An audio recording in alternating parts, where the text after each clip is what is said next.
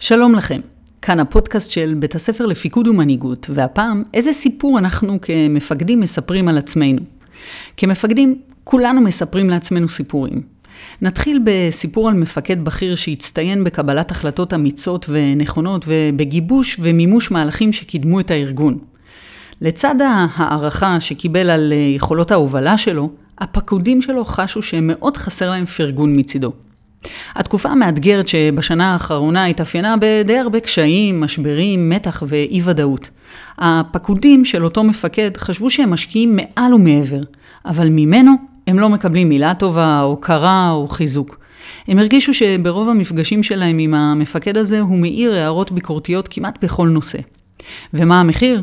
האנשים שמשרתים תחת פיקודו הרגישו שהמפגשים שלהם איתו מכבים אותם. שההתנהלות מולו מוציאה את הרוח מהמפרשים. הם טענו שחבל להתאמץ, כי במילא הוא לא יהיה מרוצה. אותו מפקד מכיר היטב את הנושא הזה של הביקורתיות שקיים בו, וכשהוא ניסה לפרגן יותר לאנשים, זה הרגיש לו מאולץ, ולכן זה לא החזיק לאורך זמן. היה רק דבר אחד שעשה עבורו את ההבדל ואפשר לו לעשות שינוי. הוא זיהה סיפור שהוא מספר לעצמו. הוא זיהה שכשהוא מאמין שכשאתן מילה טובה, אנשים יקבלו את המסר שהאופן בו הם פועלים הוא מספק ולכן הם לא יתאמצו מעבר לכך. בעצם הוא סיפר לעצמו סיפור שפרגון מוביל לבינוניות. כולנו מספרים לעצמנו סיפורים. השאלה היא לא האם אני מספר או מספרת לעצמי סיפור, אלא מהו הסיפור שאני מספרת לעצמי. לרוב אנחנו בכלל לא מזהים שאנחנו מספרים לעצמנו סיפורים כאלו. אבל לפעמים, אם נתבונן על עצמנו ונשים סימני שאלה על ההתנהגויות שלנו, נוכל לזהות אותם ולבחון אותם מחדש. שאלה מעניינת היא, האם זה תמיד נכון? אם נחזור למפקד בדוגמה, נוכל לשאול האם יש מצבים שבהם פרגון מוביל לביצועים יותר גבוהים, ולאו דווקא לבינוניות. רבים מהסיפורים האלו לא רק שאינם תורמים לנו, אלא שהם גורמים לנזק שעליו אנחנו משלמים מחיר. הכותב אקר טול התייחס לסיפורים האלו כאל איש שלג ענק, שחשיפותו לחום השמש גורמת להעמסת השלג, ומכאן להקטנת עוצמת הסיפור. העיקרון פה ברור, לזיהוי הסיפור וההשפעה שלו יש כוח גדול. הוצאתו לאור מאפשרת לבחון אותו מחדש ולהקטין את כוחו כאשר הוא מסב לנו נזק. יופי, אז איך מזהים את הסיפור שאנחנו מספרים לעצמנו? לא תמיד קל לזהות את הסיפורים שאנחנו מספרים לעצמנו. שירז צ'מין פיתח גישה שנקראת אינטליגנציה חיובית. אינטליגנציה חיובית היא מדד שמבטא את אחוז הזמן שהמוח שלנו פועל לטובתנו באופן שמסייע לנו להתמודד עם אתגרים ביום-יום, לעומת אחוז הזמן שהמוח פועל נגדנו, דרך אותם סיפורים שבפועל מזיקים לנו. שירז מציג בסיס מחקרי מוכח לכך שהאינטליגנציה החיובית הגבוהה משפיעה לטובה על רמת הביצועים שלנו. אחת הדרכים לחזק את האינטליגנציה החיובית היא להחליש את עוצמת הסיפורים המזיקים לנו. שירז מאפיין קולות פנימיים שיש בנו שיוצרים את הסיפורים.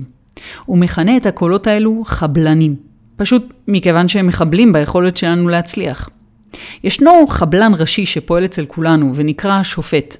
זה הקול שיש בנו שמוצא מגרעות בעצמנו, מגרעות באחרים ומגרעות בנסיבות שהובילו למצב הנוכחי שלנו. בנוסף אליו ישנם עוד תשעה חבלנים משלימים, שפועלים במקביל לחבלן השופט. לכל אחד מהם מאפיינים ייחודיים. לדוגמה, חבלן שנקרא פדנט, שגורם לנו לספר לעצמנו שפרפקציוניזם יגרום לנו להרגיש טוב לגבי עצמנו. יש את החבלן המרצה, שאומר שאם תמיד אני אדאג למי שסביבי אז יאהבו אותי. יש את החבלן ההישגי, שאומר שיש לי ערך אם מתרשמים מהביצועים שלי.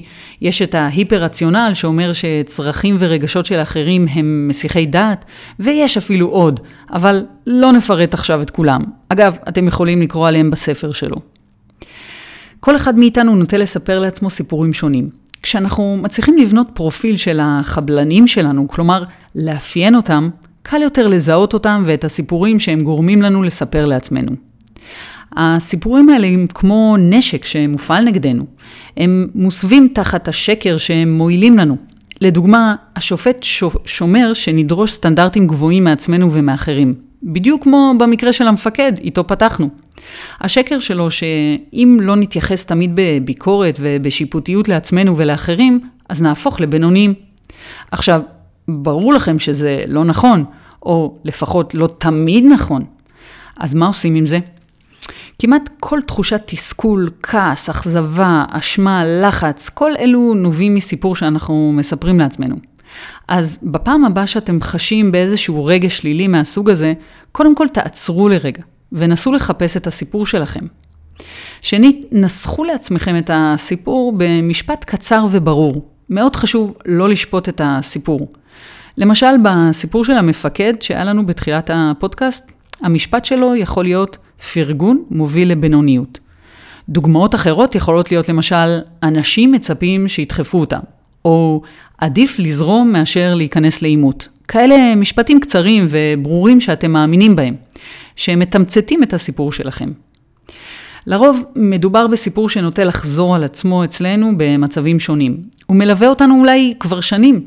לכן, אחת וזיהיתם אותו, אתם יודעים מול מה אתם מתמודדים, ואז יהיה קל יותר לשנות אותו. אותו מפקד זיהה היטב את הביקורתיות ואת השיפוטיות שהוא מכיר בעצמו כבר שנים. הוא תיאר כיצד במצבים שונים בחיים זה גרם לו להיתפס כמתנשא ולשלם על כך מחיר ביכולת של האנשים להתחבר אליו. שימו סימן שאלה. האם הסיפור תמיד נכון? מתי הוא לא נכון? מתי הוא כן נכון? שימו סימן שאלה על הסיפור במקום סימן קריאה שאולי אפיין אותו במשך השנים.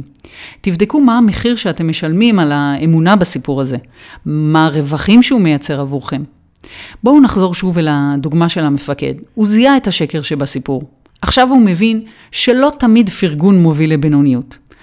עכשיו הוא יכול להתחבר ליכולת לסלוח לעצמו, לקבל טעויות ולהמשיך קדימה עם יותר פרגון והכרה בהישגים של האחרים. חשוב מאוד להתאמן על הסיפור שלכם.